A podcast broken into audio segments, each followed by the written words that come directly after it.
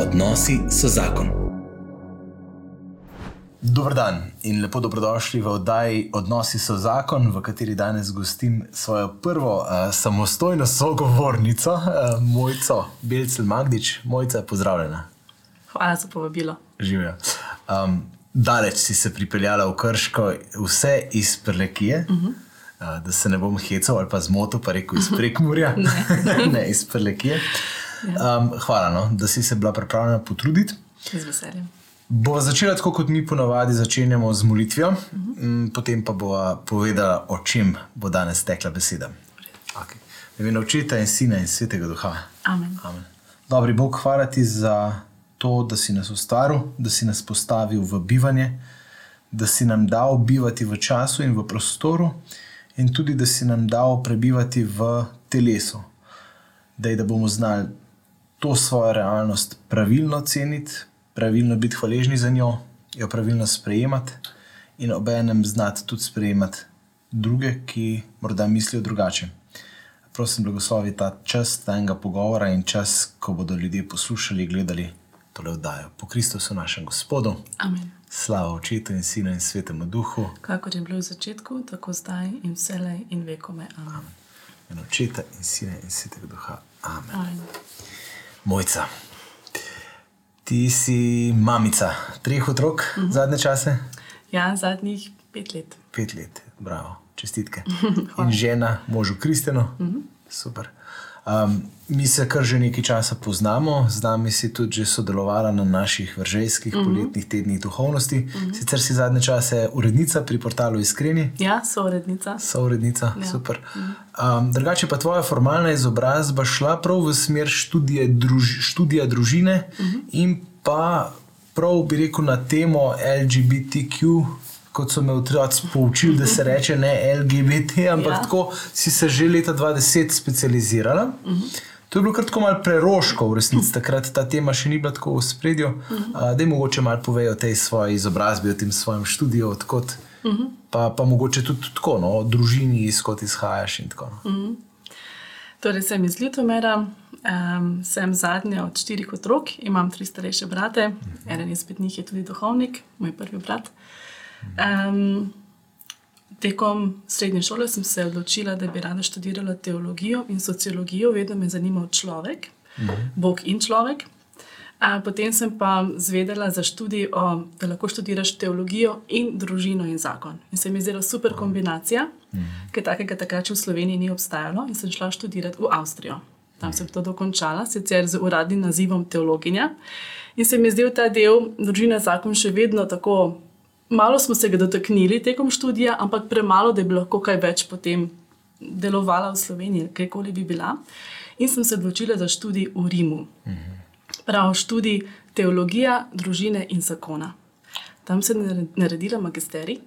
Um, sem pa tekom um, tega študija v Rimu spoznala, oziroma slišala prvič za izraz teorije spola. -huh.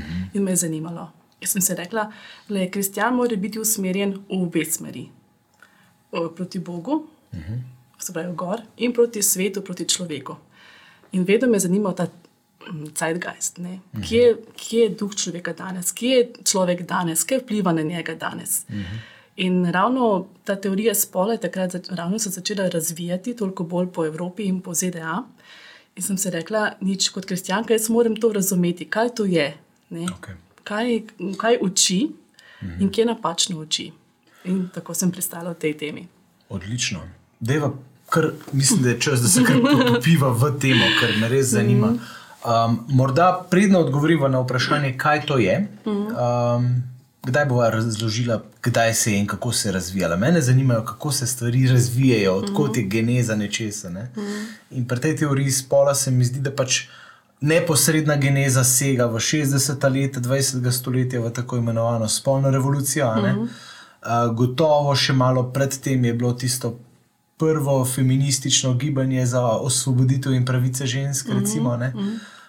um, in potem, uh, morda mi lahko kaj od te zgodovine najprej kaj poveš, pa bomo potem podala pa definicijo, kaj to je. Mm -hmm. Ja, ko imamo v mislih teorijo, vedno imamo, si predstavljamo, kot da je za njo en teoretik. Ampak uh -huh. pri teoriji spola ni enega teoretika. Uh -huh. Tukaj je več posameznikov, ki so delovali na različnih področjih in v različnih desetletjih. Uh -huh. um, če grem čisto kronološko, ena izmed prvih je bila Simone de Beauvoir. Uh -huh. Z njeno knjigo, kaj je ženska. -huh. Ona je takrat prvič postavila pod vprašaj moškost in ženskost -huh. in jo nekako opredelila, kot da sta to bolj kot ne socialna konstrukta. Ne, so določena vedenja, ki se od ženske pričakujejo, določena geste, določena pričakovanja, določen stil oblačenja, določen vem, obnašanje, in je nekako spol začela ločevati od telesa. In češ, da je bistvo spola bolj kot ne, kaj, kaj družba od tebe pričakuje, kaj pričakuje od moškega, kaj od ženske. Se pravi, tu je ona nekako razširila to debato znotraj filozofije. Ja. Deset let kasneje se znotraj endokrinološkega, um, bi rekla, um, in medicine, um, po, najde posameznik dr. John Money, uh. -huh. ki je imel spet svojo teorijo. Teorijo, da se dojenčki rodijo psihosocialno neutralni in da jim ti lahko do tretjega leta prizgojiš spol. Torej, spol ni nekaj, neka telesna danost, ki bi se razvijala skozi različna obdobja, mhm. ampak ti od zunaj otroku dodeliš spol. Če ga boš ti naučil, uh, če boš mu ti nosil, recimo, imamo pred seboj fantka.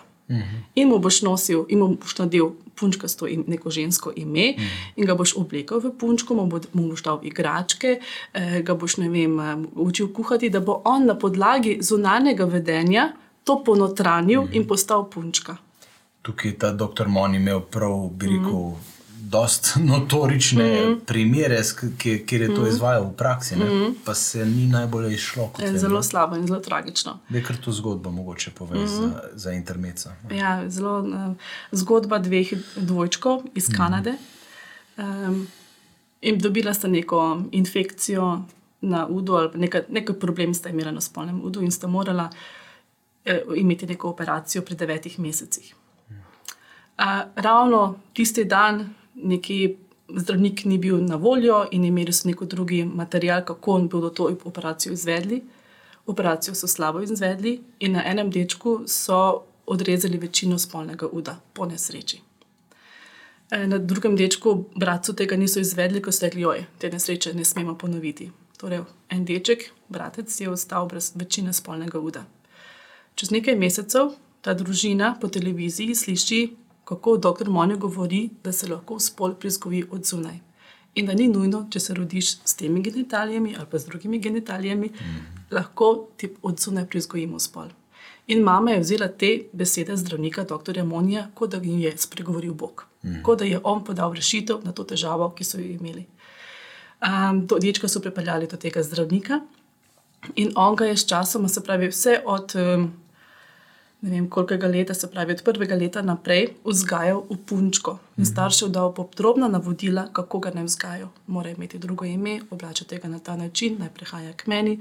E, kirurško bomo še odstranili tisti preostanek penisa, naredili bomo neke vrste pagino. Se pravi, um, odreček je potem bil v naslednjih desetih letih zelo močno indoktriniran, oziroma prevzgojen v deklico. Mhm. Vendar že tekom vseh teh desetih let se on nikakor ni znašel v tej ženski vlogi, v tej ženski identiteti. Vedno si želel biti s fanti, želel se je rausati, niso hotel to oblačiti, bil je zelo depresiven, nesrečen, ni se nikjer našel v družbi in trpel je tudi njegov brat in ca njegova družina. Po 13 letih mu končno starši oče pove resnico. In to je bilo za njega zelo osvobojajoče in potem je še v to detranzicijo. Mhm. Ampak ta družina je že bila tako zelo zaznamovana s tem trpljenjem. Naj tudi omenim, da je dr. Moni ta fantka zlorabljal. Spolno zlorabljal. Spolno zlorabljal. Oziroma, tako, vedno sta na to terapijo prihajala oba dvojčka skupaj.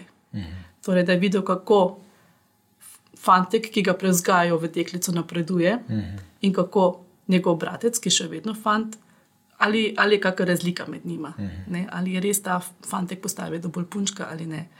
In potem, ker je bil dr. Moni zelo sprevršen človek, jim je hotel od, od zelo hitro učiti, kako izgleda spolni odnos. Torej, da se je mogel ta fantek, ki je bil punčka, ki so ga prezgali v punčko, nekako podrejati, da bo vedel, kako bo on kasneje moral delovati, ko bo ženska in bo imel ženski spolni odnos, oziroma spolni odnos in bo ženska, se pravi, šlo je za krute zlorabe. Ne?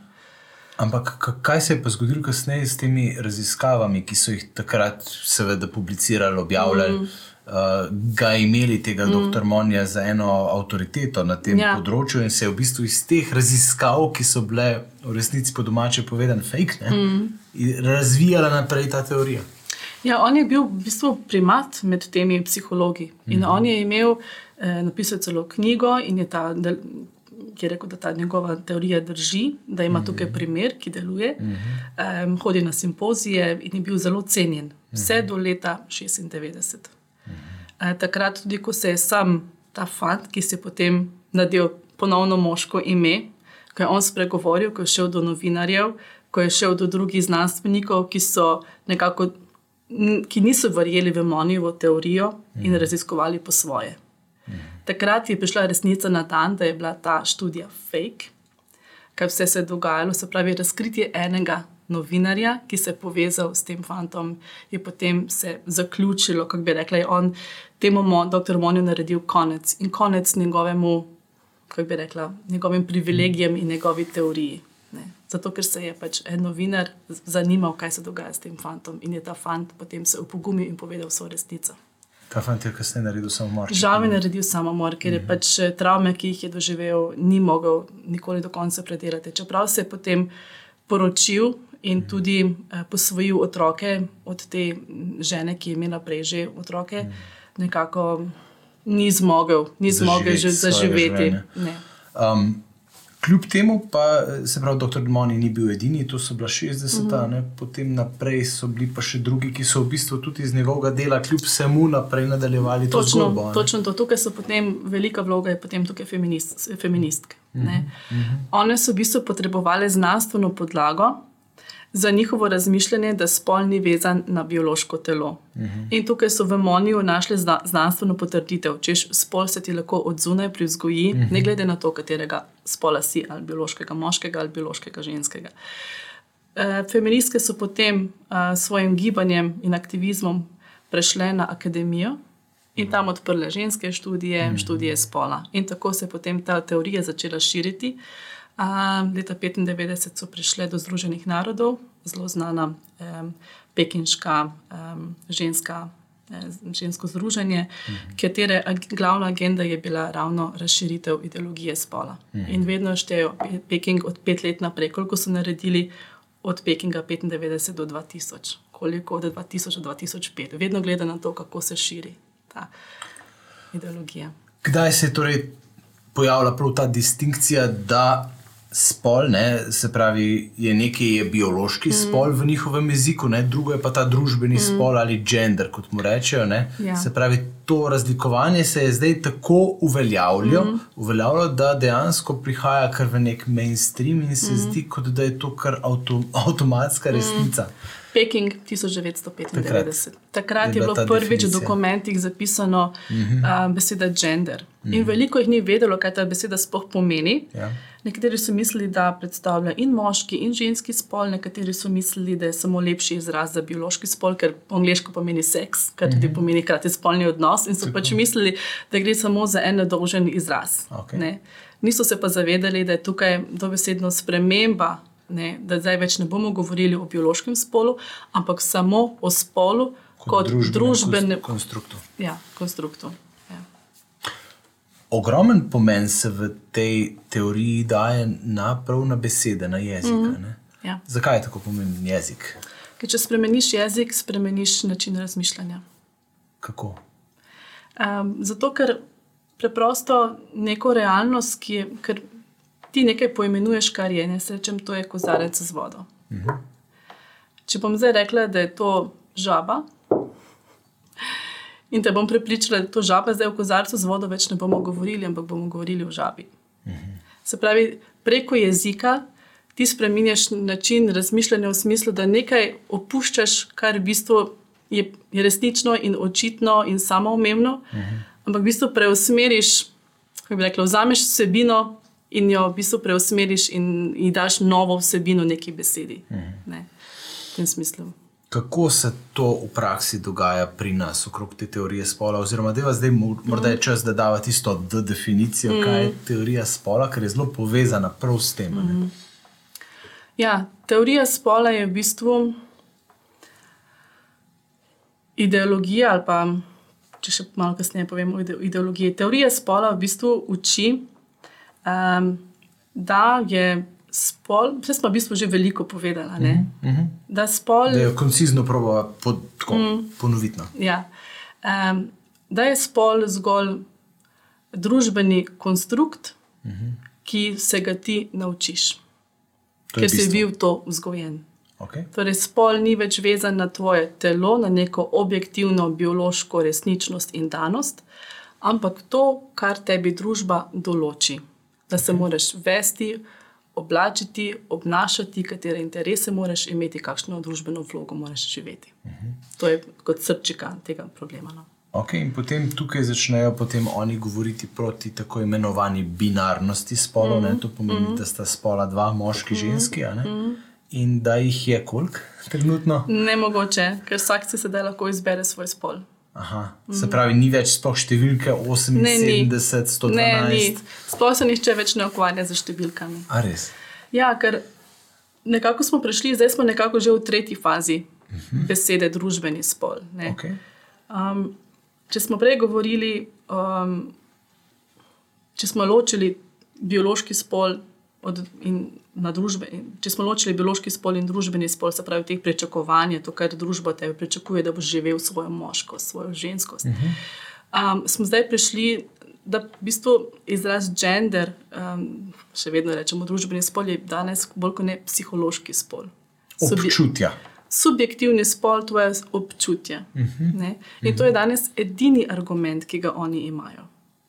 Torej, več se ne ukvarjamo, kaj je družbeni spol, um, ali je vezan na telo, ali ni vezan na telo. Danes so samo pomembno še tvoje občutje. In če ti rečeš zase, da si pol človek in pol žival, in da se ti tako počutiš, ti jaz moram verjeti in te to v tem spoštovati.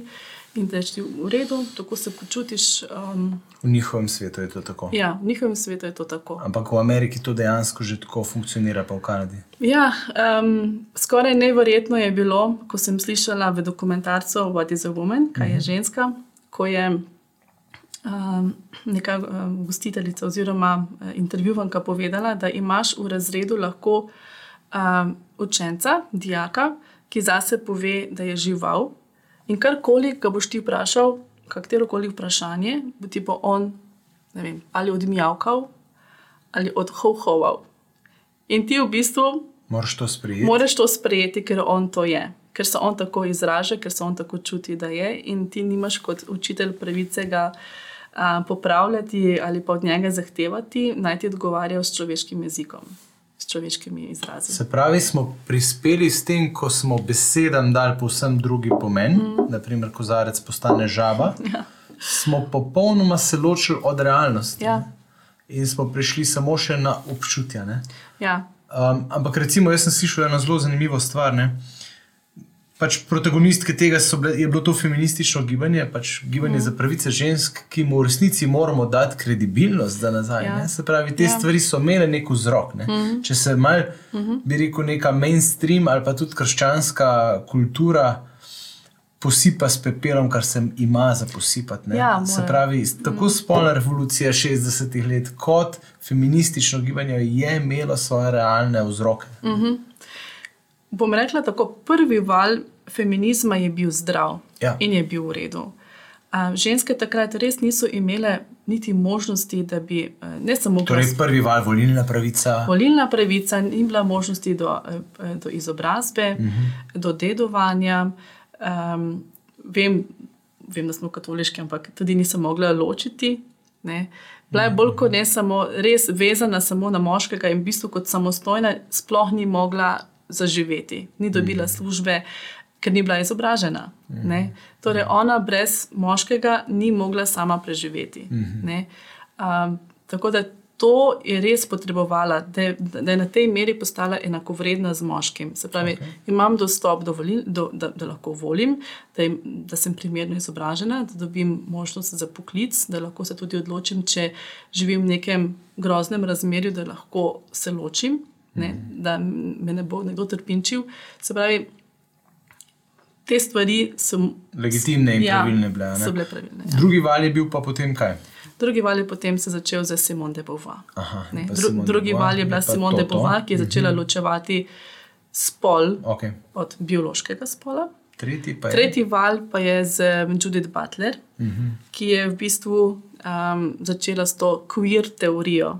Torej, ona niti več ne verjame, da obstajajo biološka telesa, da obstajajo moška biološka telesa, da obstajajo ženska biološka telesa. Ona niti več ne verjame v stvarnost, v, ni- v nič, kar vidi, ker reče, da je vse, kar jaz vidim, sem že kontaminirana z družbo, z družbeno miselnostjo.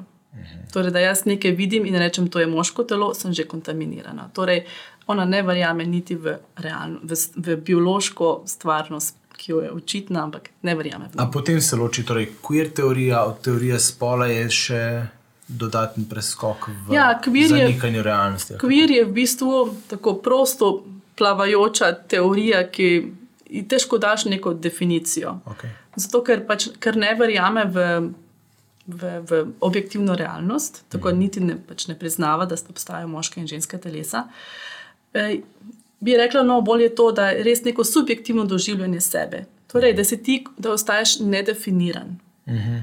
Torej, če jaz za sebe rečem, mogoče, da sem moški, je to vseeno neka definicija, ali začasna ali trajna. Mm -hmm. Pri njej pa je, da se ti sploh ne definiraš. Aha, da ne rečeš, da si ne moški, da nisi ne ženska, ne živa, da si tako prosto plavajoč. Malo tukaj, malo tam, malo bom to, malo bom ono, ali pa tudi nič. Okay, ampak ni ta To je raz- življenje to je razkroj v bistvu neverjetno zahtevno. Neverjetno zahtevno. Ja. Zgleda osvobajajoče, češ da nisi vezan na nič, na nobena Ja, ja, ja. pričakovanja, na nobeno ime, na noben zaimek, ampak je, si izgubljen, se ne veš, da si, nisi zakorenjen v ničemer. Mislim, če se zdaj predstavljam sebe, ko sem odraščal, pa je bil že poklic nekaj, kar mm -hmm. si se res mogel razmišljati, kaj boš, mm -hmm. pa kako se boš odločil. Mm -hmm. Kje smo še, če jaz moram vse čas razmišljati, kdo sploh sem? Ne? Veliko zgodb se lahko najde na YouTubu, kjer govorijo ti mladi, ali pa zdaj že malo starejši, kako težko obdobje je to. Recimo, če damo en primer enega fanta, no zdaj že starejši, je rekel: V tistem obdobju, ko sem jemal hormone nasprotnega spola in postajal ženska. Aha, se pravi, tisti, ki gredo v tranzicijo. Ko Ja? gredo v tranzicijo in ja. gredo čez hormonsko um, terapijo, temu rečejo, se pravi, da jemljajo hormone nasprotnega spola, želenega spola, to, kar oni želijo postati. Recimo, ta fant je postajal ženska. In rekel, vsak dan sem se zjutraj pogledal v ogledalo in sem gledal, sem že ženska, sem že malo bolj podoben ženski, kakšen je moj glas, ali imam že malo bolj višjega. Uh, ali so, sem že na drugih delih telesa malo bolj poženščen, rekel vsak dan, vsako jutro sem se, kako me gledajo, ali imam dovolj žensko kretnjo, ali sem se dovolj po žensko usedel. To je grozno. To se v bistvu cel čas samo ukvarjaš s sabo, se ne moreš normalno funkcionirati. Zato, ker živiš no, neprestano v neki zaskrbljenosti, um, nevednosti, ne vem, obupu, kakorkoli boš to stanje poimenoval. Um, eno zelo težko stanje je to. Težava je v tem, da se v resnici v ZDA zelo, zelo mladim otrokom ne, mm. in tudi v Kanadi, seveda, že dajo, pa, pa to na velika vrata trka v Evropo, in seveda mm. zdaj bomo večkrat več o tej mm -hmm. trenutni situaciji, tudi v Sloveniji. Ampak mm. zelo mlade otroke se vabi v to, da, se razmi, da ne razmišljajo o tem, Ja. kdo ali kaj so in če bi morda šli v času, ko niti približno še ne, nimajo. Mislim, ker to je treba dovolj zgodaj narediti, ne, da ja. Te hormonske terapije pač uh, primejo. Mm -hmm. Takrat resnično še otrok ne ve, kaj je za njega dobro. Ne. Ja. V bistvu je, jaz bi rekla, temu zloraba. a ne.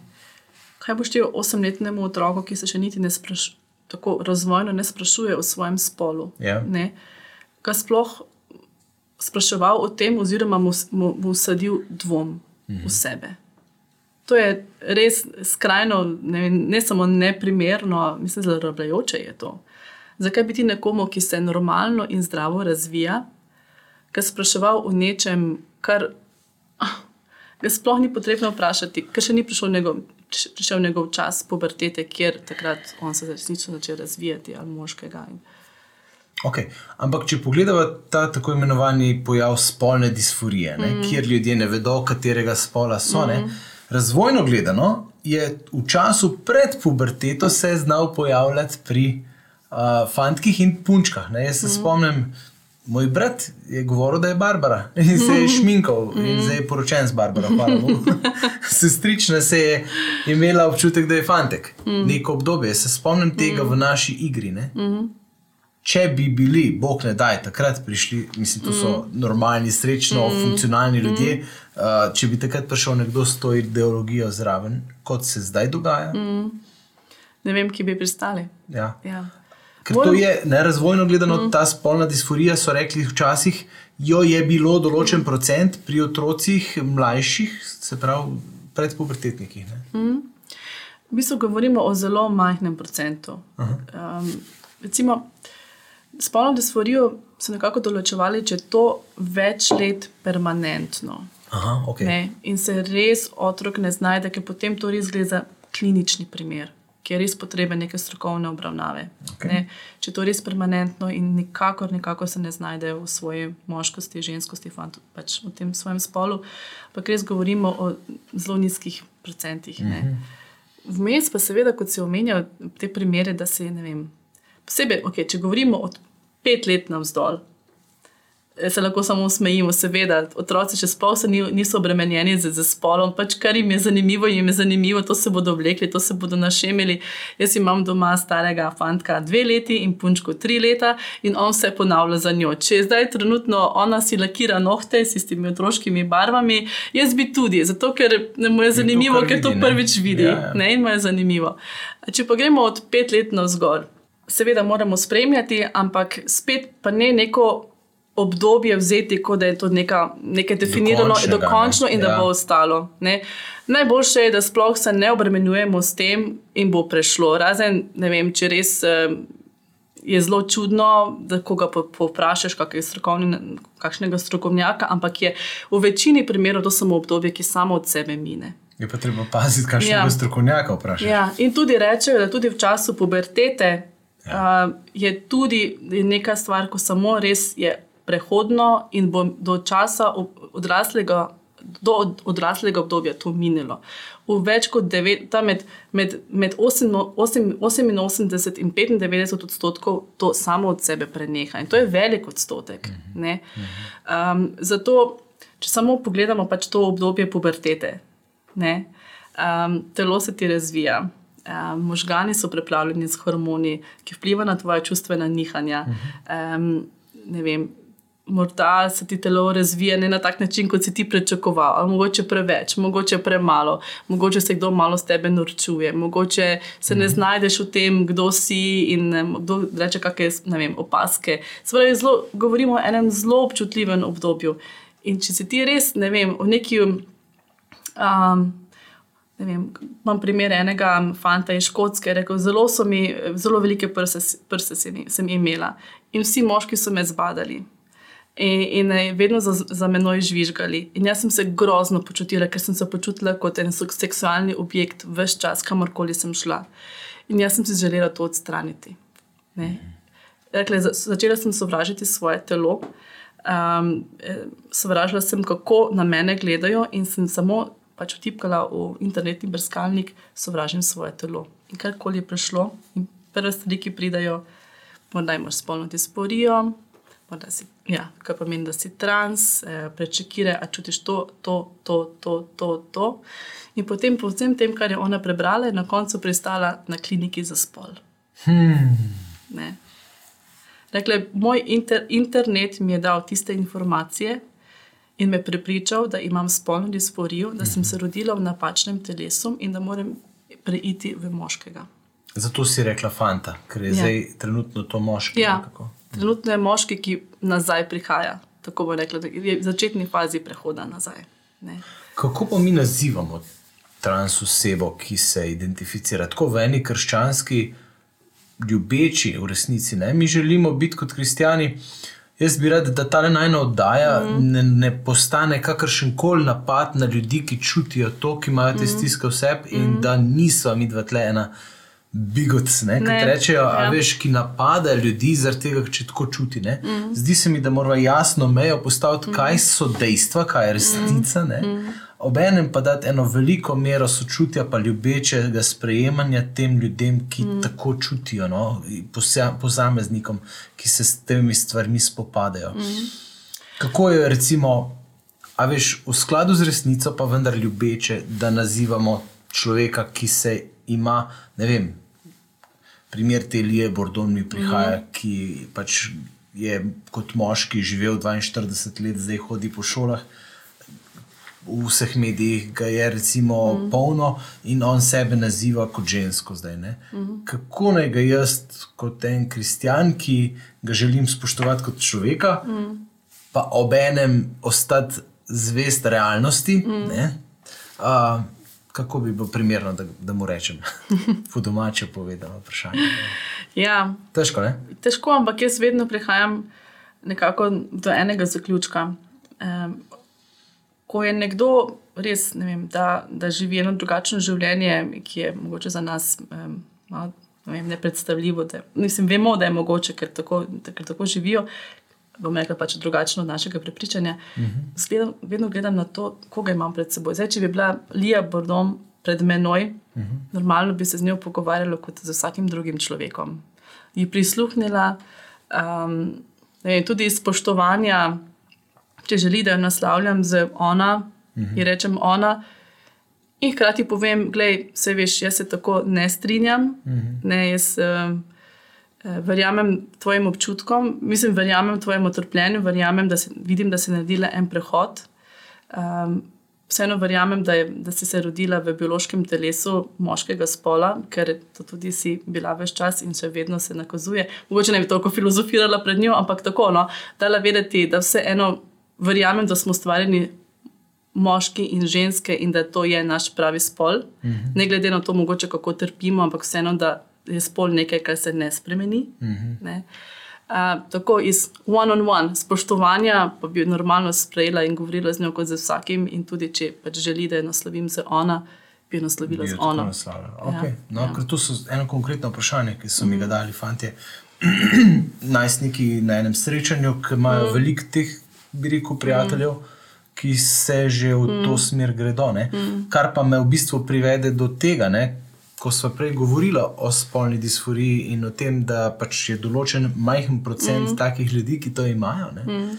Zdaj, ko prihaja ta tema tako na velika vrata v naš javni prostor, mm. ko vem, oddaje po televiziji, filmi so z njo pač napolnjeni mhm. -huh. muzika, kjerkoli članki, uh -huh. TikToki, ja, Reelsi, moda. vse, moda. Uh -huh. um, v resnici no, vidimo, da mladi so preplavljeni s to temo. Ja. Mi, starši, mogoče se niti ne približno ne zavedamo, kako zelo uh. -huh. prevalentna, prisotna je ta tema povsod. Uh mhm. -huh. In ob tem pride do tega pojava, ki mu rečejo v angleščini social contagion. Ja. Kaj to je? Ja, v bistvu si že veliko povedal, se pravi ta pre, preplavljenost, ne? se pravi mhm. social contagion, družbena kužnost ali pa družbena okužba ali pa nalezljivost, ja, še boljše beseda. Um, če damo en tak primer. Ne, um, Nekega najstnika, ki, kot sem že prej omenila, ima težave s prejetjem svojega telesa, si ni všeč, ga mogoče sliši kakšne opaske, ni potrjen v svoji moškosti ali svoji ženskosti, uh, nikamor se čuti, da ne spada, še mogoče ne vem, še hkrati depresiven, ima ne vem, mogoče težave, eh, veliko jih ima tudi motne hranjenja hkrati. Um, se pravi, se ne znajde v svojem telesu in čuti neko sovražnost do njega, ne? neki, neki odklon celo. Ne? Um, in kar bi rekla, ti občutki so bolj kot ne normalni, ne mogoče tako intenzivni v vsakem, ampak bolj kot ne normalni pri najstnikih. Mhm imajo težave s svojo samo podobo, kako izgledajo. Se še nismo tako stari, se še ja. ne spomnimo, kako ja, je to bilo. Mislim, in to je neka običajna težava, ki se pojavi v času najstništva.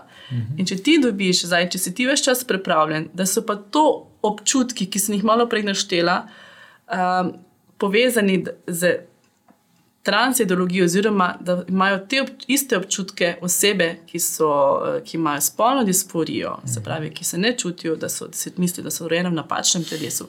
Pa škrati mislijo, da mogoče, mogoče pa, pa sem jaz trans. Ne? Se pravi, hočeš malo povedati, da so v resnici ti transideologi ugrabili normalna mm. občutja in jih prelimali samo s to svojo. Ja. etiketo in rekli, ne, ne, mi smo edini, ki se počutimo nesprijete. Pa to še zdaj ni res. Ne. In ja. rešitev je samo to. Ja, v bistvu rečejo, ta, ta občutja, ki jih imaš, so povezana, oziroma so, ti, ti nakazujejo, da si trans. Prej, recimo v prejšnjih obdobjih, rekli, ja, um, ker sem rekla, veliko jih ima tudi teh um, težave z. Um, za motnje hranjenja, ali pa imajo motnje pozornosti, ali pa imajo avtizem. Se pravi, hočem reči, um, ti, ki se tako počutijo, imajo še neka druga psihološka stanja. Uh -huh. ne? um, in nekdaj, recimo, so te istih počutij, se, še posebej, če imaš težave z motnjami hranjenja, rekli, ja, imaš eh, bulimijo ali pa imaš anoreksijo. Ne? Zdaj pa so nekako preskočili ti dve, ja, zdaj pa najbrž si trans. Aha, je kar Ne. tako, da se že kar vse posebej pri dekletih. Ne? In to že v Veliki Britaniji so kar nekaj uh, člankov na to napisali, da se sprašujejo, nekdaj recimo so, ker je veliko več v zadnjem obdobju punc, ki se identificirajo kot trans. Prej je bilo obratno. In 10-20 let nazaj, spet v ma veliko manjšem številu, so, je bilo fantov, ki so se identificirali oziroma čutili, da so ženske. Zdaj je slika obrnjena. Ne? Če samo vzamem Veliko Britanijo, od leta 2010 do 2020 s- se je od, eh, odstotek povečal za, se pravi, za je 5000 krat več punc, ki se želijo postati Oh, fant, wow. in 1400 krat uh, fantov, ki se želijo postati punce. In so v Veliki Britaniji to vzeli kot nacionalni problem. Mm. Nenormalno je. In to je, Ja. bil, to je ravno posledica social contagion. Ja, ja. Ne? Se pravi, tega, da se o tem toliko govori, mm. sploh za mlada dekleta, ne, ki so vedno v skupinicah, grejo na vece v skupinicah in kakorkoli. Pač, če ima ena prijateljica, imam zihar tudi jaz. Ja, in tudi trans je nekako postalo moda, kot neke vrste hit, si nekaj drugačen, si nekaj več. Ker, kot smo rekli, veliko se govori o njih v, tele, v reklamah, so, v risankah, v, um, v modi, v, v glasbi. Ne. So nekaj več, so nekaj posebnega, so malo že skoraj privilegirani. Ne. In če si trans, si privilegiran. To za Franciscu je mladega, baje to za mladega to nekaj ne. pomeni. Če, še posebej, če, išma, če imaš ta občutja zapuščenosti, nikamor ne sodiš, nišče te ne razume, um, ne, ne, ne čutiš se ok v svojem telesu, o, zdaj pa sem prišel nekam, kjer pa s- nekaj pom- nekom Ker sem sprejet in ja. Kjer v bistvu. Jordan Peterson, mislim, da je kar oster, ne? pravi, mm. kjer si nekaj več, pa nekaj drugačnega, mm. brez da bi moral za to kaj narediti. Ja. Kar je kar, kar v bistvu mm. huda definicija. Mm. Wow. Okay. Kakšna je situacija pri nas v Sloveniji? Se pravi, leta 2015 in, in kdaj še 12-13 sta bila tista dva referenduma, mm. zdaj ga ne smemo imeti, ne pravi ustavno Ne, sodišče. ne, protistavno. Praviš, ti si imela sedem let eh, časa za to, da si otroke, tri, da sta z možem, rekel, naredila, Ja. ta druga stran je pa v bistvu aktivno delala v ozadju, ne vse čas. Ja. Torej, 2015 jim ni uspelo, uh Mhm. -huh. In že takrat so napovedali, da bodo našli drugo pravno rešitev za to, da bo vseeno pač se spremenila definicija zakonske zveze. Mhm. V mestnem času, leta 2019, so mimo grede spremenili definicijo družine. Ja. E, definicija je zelo neutralna. V center so postavili otroka, za katerega skrbi eden ali oba starša ali odrasla oseba, ki ima za to ne vem, svoje posebne zakonitosti. Se pravi, iz, iz um, a, definicije so vzeli ven besedo oče, uh -huh. mama. mama. Uh -huh.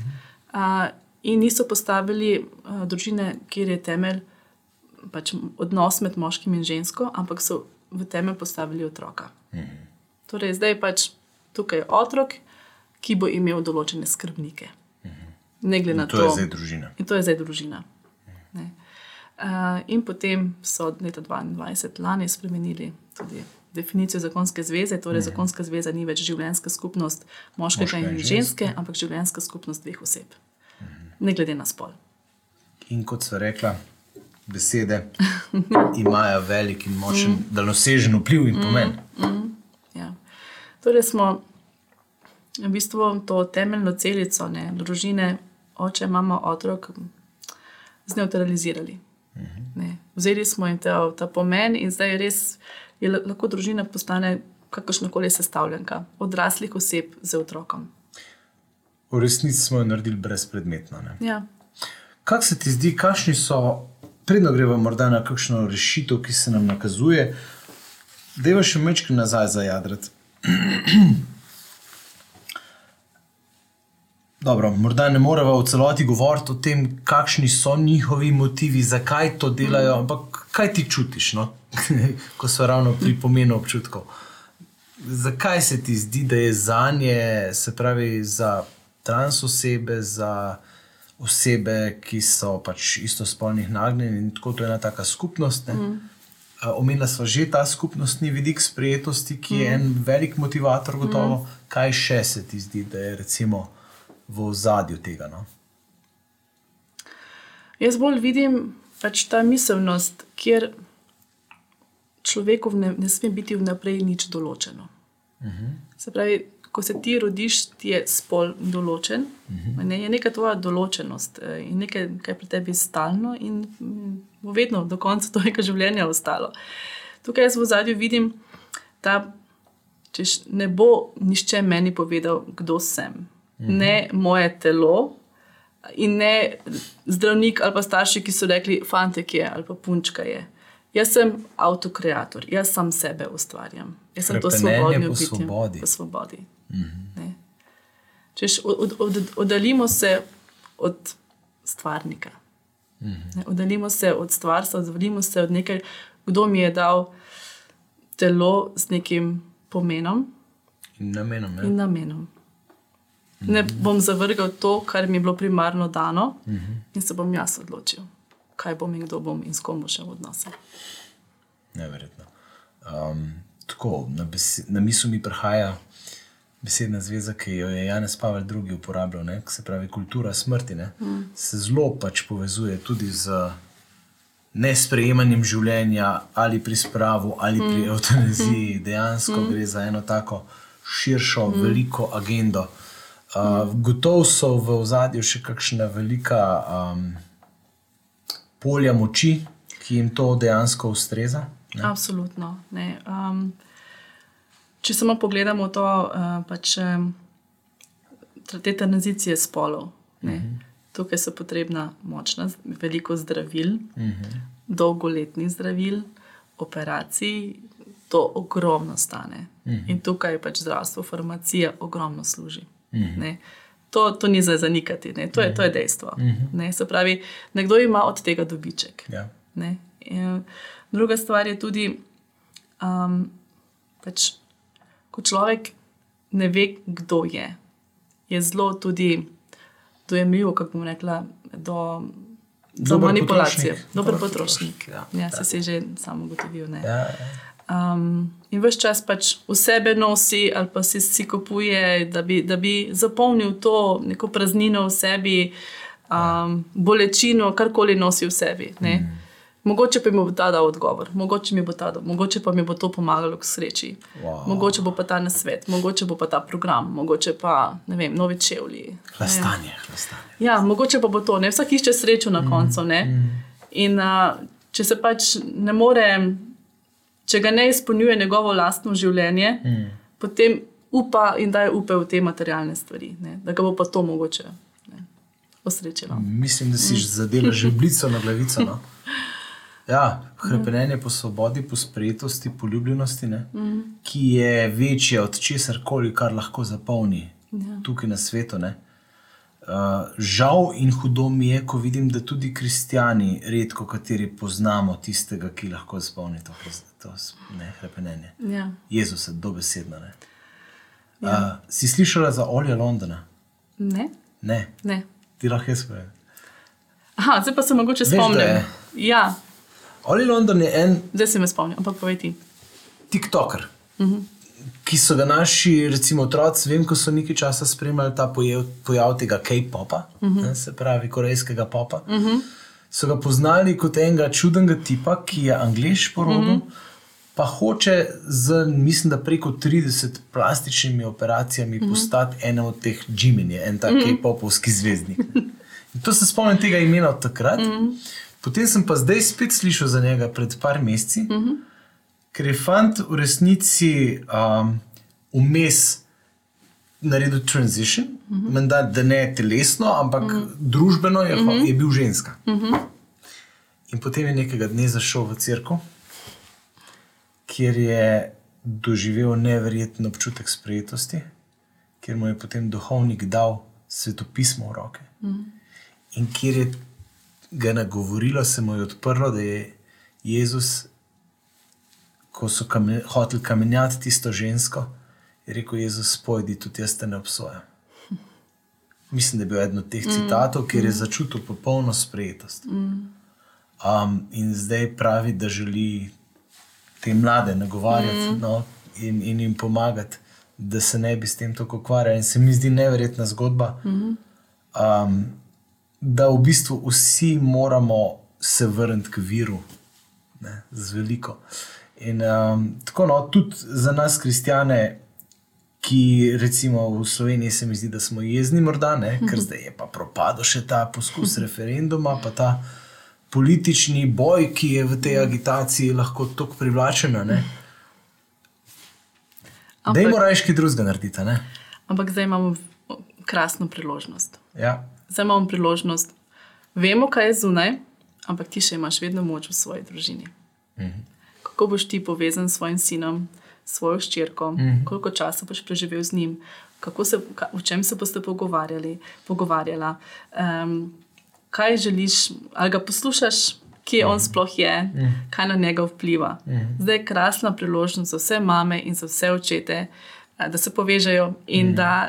Da res tudi utrjujejo svojo ženskost, uh, ženskost in moškost v njihovih sinovih ne, na mm. različne načine. Pa to zdaj ne pomeni, obsesija z spolom. Ne. Ali pa pridige. Ali pa, ali pa pridige, ali ja. karkoli. Glej, vaš, tvoj otrok bo na tak in tak način prišel do teh in teh informacij, bo vedel o trans, bo slišal o, o LGBT vem, zgodbah mm. različnih. Mm. Ne. Mhm. ne moremo se zatiskati oči, to bo slišal slejko prej. Mm. Zdaj pa je na tebi. Kako, bo ti, kako boš mu ti pokazal lepoto? lepoto poročenosti. Lepoto ja. poročenosti, lepoto ženskosti, lepoto moškosti. Uh, zdaj je krasna priložnost. Res. Se vse usmerja ja, v vase, prvo, prvo vase, kje ja. sem jaz, ja. kje ja. sem jaz kot žena, kje sem jaz kot mož, kako jaz živim svoj odnos z svojim možem. To je mm. temelj. Amen. In ja. to so v bistvu povedali vse posod. Ker, kje, ti otroci trans, oni so bili nekje izkorenjeni, nekje so se porazgobili znotraj družine, nekaj ni bilo narobe, nekaj je bilo narobe. Ne samo mm. mogoče, da so bili, ne vem, kot sem prej tisto punco omenjala, ker je bila, je bila toliko spolnih opask na svoje telo. Mm.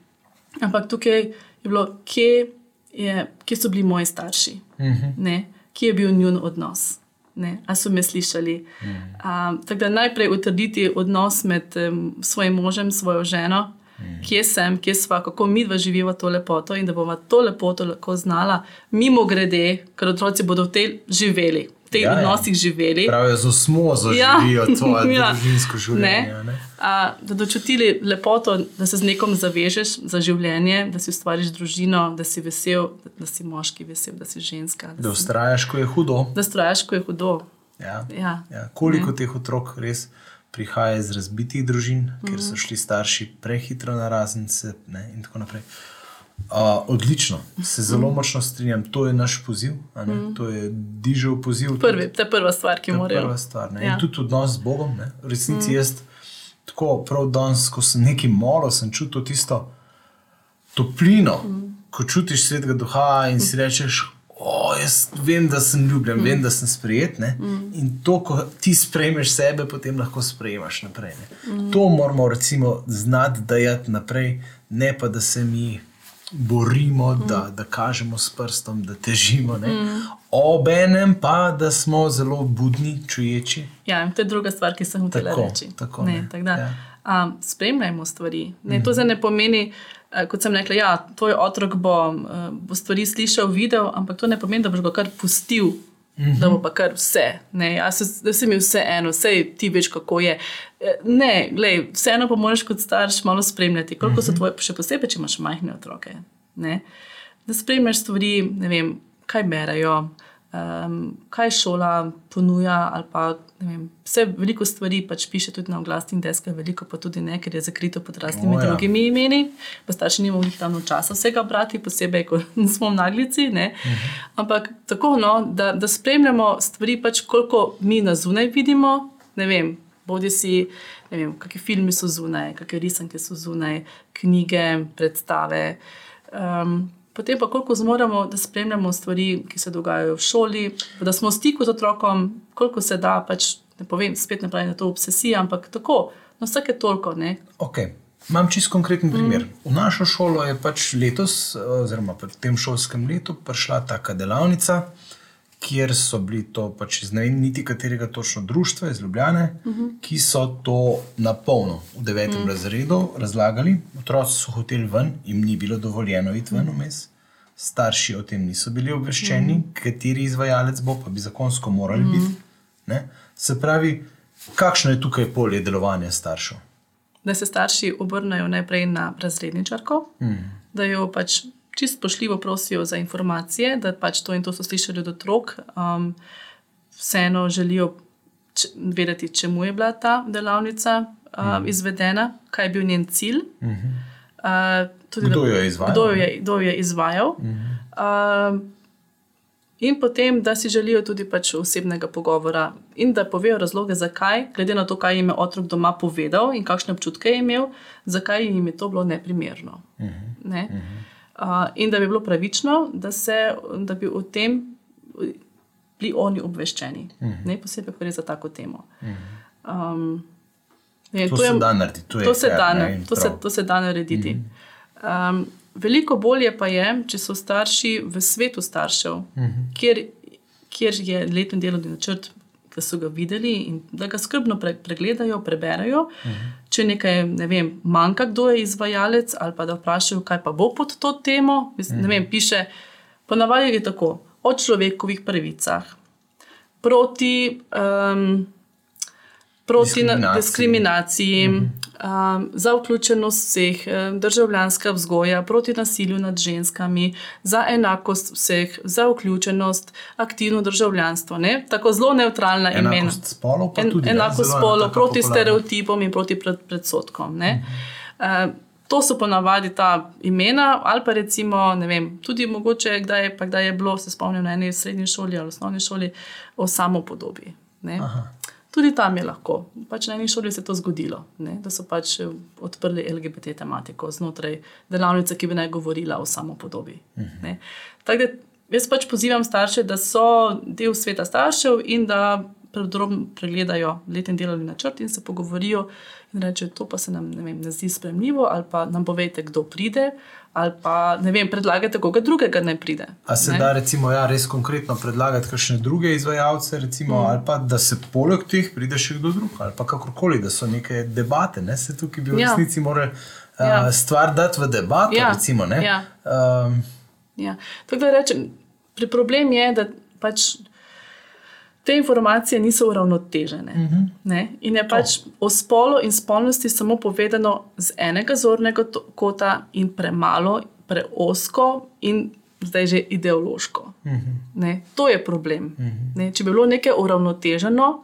In bi rekli, vem, znanstveno je tako in tako, procent, procentualno je tako in tako, ponavadi ti otroci pridejo iz, ne vem, so, imajo te in te dileme, prihajajo iz teh in teh družin, imajo še druge duševne stiske. Uh, ampak to ni povedano. Mhm. Zato, ker oni želijo nekako destigmatizirati to, mhm. te trans ne, osebe. Mhm. Ne, okay. Češ, da ne bi gledali na njih kot ne vem, da jim nekaj manjka, da z njimi kaj narobe. Dobro, se to v resnici tudi ja. ni problem. Ja. Problem je v tem, kar... pač, da bi lahko hkrati povedali resnico, bilo bi super. Uh -huh. Imamo to osebo, je tudi neka debata, gojimo spoštovanje do vsakega, do mnenja do izražanja vsakega. Tukaj pa vem, so znanstvena dejstva, nespremljiva. Mm -hmm. ne? To bi bilo v redu. Ne? Mm -hmm. Nespremljiva. Ja, ja. ja, ja, ja. Um, spet govorimo spet za više razrede, ne? ko lahko že debatirajo. Ko lahko se ja. že o tem. Ja. Ja. Um, kaj še lahko starši v smislu domače preventivne vzgoje? Prej smo na kratko samo mm. omenila, meni je čudovit ta film What is a Woman. Ne? Se pravi, tukaj se mi zdi, da to si kar pogledamo. No? Mm. Uh, mislim, da tam nekje od 8. razreda naprej bi že lahko, ajš, verjetno. Ja. Jaz pravim, da mečkam prej, kot si starši mislijo. Ja. Zaradi tega, ker dejansko otroci prej pridejo bolj mm. v stik, kot pa si ti v neki svoji starševski ljubeči mm. naivnosti predstavljaš. No? Ja, ja. Tako, tako se mi zdi. No? Mm. Film, ta dokumentarec pove veliko, zdaj pa novem ima tudi slovenske podnapise. Aha. Uh, bomo potem dali link spodaj, ne, da bi lahko ja. prišli do slovenskih podnapisov. Mhm. Um, ja, prvo, kot prvo, da sploh vejo, da niso tako ne vem, dinozauri. Ta, ta, v tem, tem dokumentarcu je beseda dinozaur omenjena. Pravi, da vejo, kje je ta ideologija danes in, in, in kam gre. Mhm, Kam vodi, ne? Ja, in kje je Amerika in kje je Kanada danes. E, ja, mi smo zdaj imeli sedemletno pauzo, ampak kaj bo po Sloveniji čez sedem let? Mhm. Um, dajmo se že zdaj izobraziti, ne? videti, kaj, kam to vodi in kam lahko naše otroke speljejo. Ker slišal pa sem, da Anglija pa je mečken zavrla to zelo zgodnje uh -huh. uh, medicinske postopke, spremembe Ja. spolov. So že ugotovili, da je treba par korakov nazaj stopiti. Ja. Veliko stvari je bilo, zakaj so to kliniko zaprli. Um, ena od, od glavnih je bila, da se je pritožilo več kot tisoč staršev. Hmm. Torej, gre za masovno tožbo, hmm. kjer so v bistvu otroke bodi si pohabili ali jih uničili, ali telesno, ali, pa fizi, ali- ali fizično, ali pa psihološko. No, Ne. te telesne stvari se ne da popraviti. ne. To je- Telesno to se ne je da popraviti. Ja, du- duševne porabijo veliko časa za rehabilitacijo. Ja. Ne. A, ena od teh, se pravi, je to. Druga, je- druga stvar, zakaj so to kliniko zaprli, je, ker niso videli nobenih učinkov, premalo pozitivnih rezultatov. Se pravi, otroku so spremenili spol, ni srečen, še vedno depresiven, še vedno ima določene motnje, Suicidalne misli. suicidalne misli, še vedno se reže, še vedno je asocialen, še vedno ne, vem, ne živi eno izpolnjeno življenje, ne? uničenje še bolj kot prej. Ne? Še posebej zdaj, ko določenih stvari več ne more dobiti nazaj, še posebej, ne vem, če, si, če je šla skozi dvojno masektomijo, se pravi, si je punca odstranila prsi, ni prsi. Če si si dal rekonstruirati genitalije, konec, hmm. boš imel nikoli otrok, ne boš, ne, gre za grozovite stvari. ne. Tako da, pravi, ena je bila to tožba staršev, drugo pa je bila pač, eh, slabi rezultati. ne. Eh, Kliniko so zaprli in sicer otroci, ki imajo, ki čutijo to spolno disforijo, so zdaj, uh, jih naslavljajo na preostale pediatrične klinike, ampak imajo zdaj eno širšo ekipo, pa vse delajo na tem. Se pravi, ekipa, ki bo resnično te vprašala, kaj je s tabo, kje si ti. Ker, kot sem omenila, veliko teh, ki se čutijo trans, je, so nekje na spektru avtizma, ali so depresivni, um, ali imajo motnje hranjenja, ali imajo motnje um, um, koncentracije, ali imajo ADHD, mhm. ali pa še kaj drugo. Ne. Se pravi, da oni vidijo, kateri so še drugi, druge težave, ki jih ima ta otrok. ne. Um, in da bo šlo skozi veliko bolj rigorozen proces. Ker Kaj se je do sedaj dogajalo? E, Ti si prišel k temu vem, psihiatru in si mu povedal, da se čutiš nasprotnega spola, in si se ti v bistvu samo diagnosticiral. Ojoj. Ti si si pred 15 leti rekel, ta punca je to povedala. To je bilo, rekla je, eno oziroma dve srečanje psihiatrom in to je bilo to. Ojoj. Vse posod je poslušal mene, kako je, kaj jaz o sebi govorim. In na podlagi tega, kar sem jaz sama o sebi povedala, brez da bi me vprašal o kakršnih koli drugih okoliščinah, ne, so me poslali na hormonsko terapijo. O moj bog. Ja. Predstavljaj si jezo staršev. Ne. Mojca, hvala lepa. Hvala Mislim, ti. da so zelo Ja. dobro odprla to temo. Um, hvala za vse strokovne in druge uvide. Uh, mislim, da je pomembno. Ja, točno Ja. tako, kot so rekla, da, uh, da nismo zdaj panični, da uh, pač gremo najprej vase, mm. da najprej pri sebi, v svojem odnosu z, z okoncem delamo, mm. uh, da delamo na svoji vertikali, na duhovnem odnosu z Bogom, in pa da v to svojo družino prinašamo, obenem pa da smo budni, čuječi mm -hmm. in da se tako le izobražujemo, kot se Ja, nas izobražujemo in pogovarjamo. in In pogovarjamo. pogovarjamo. Mm.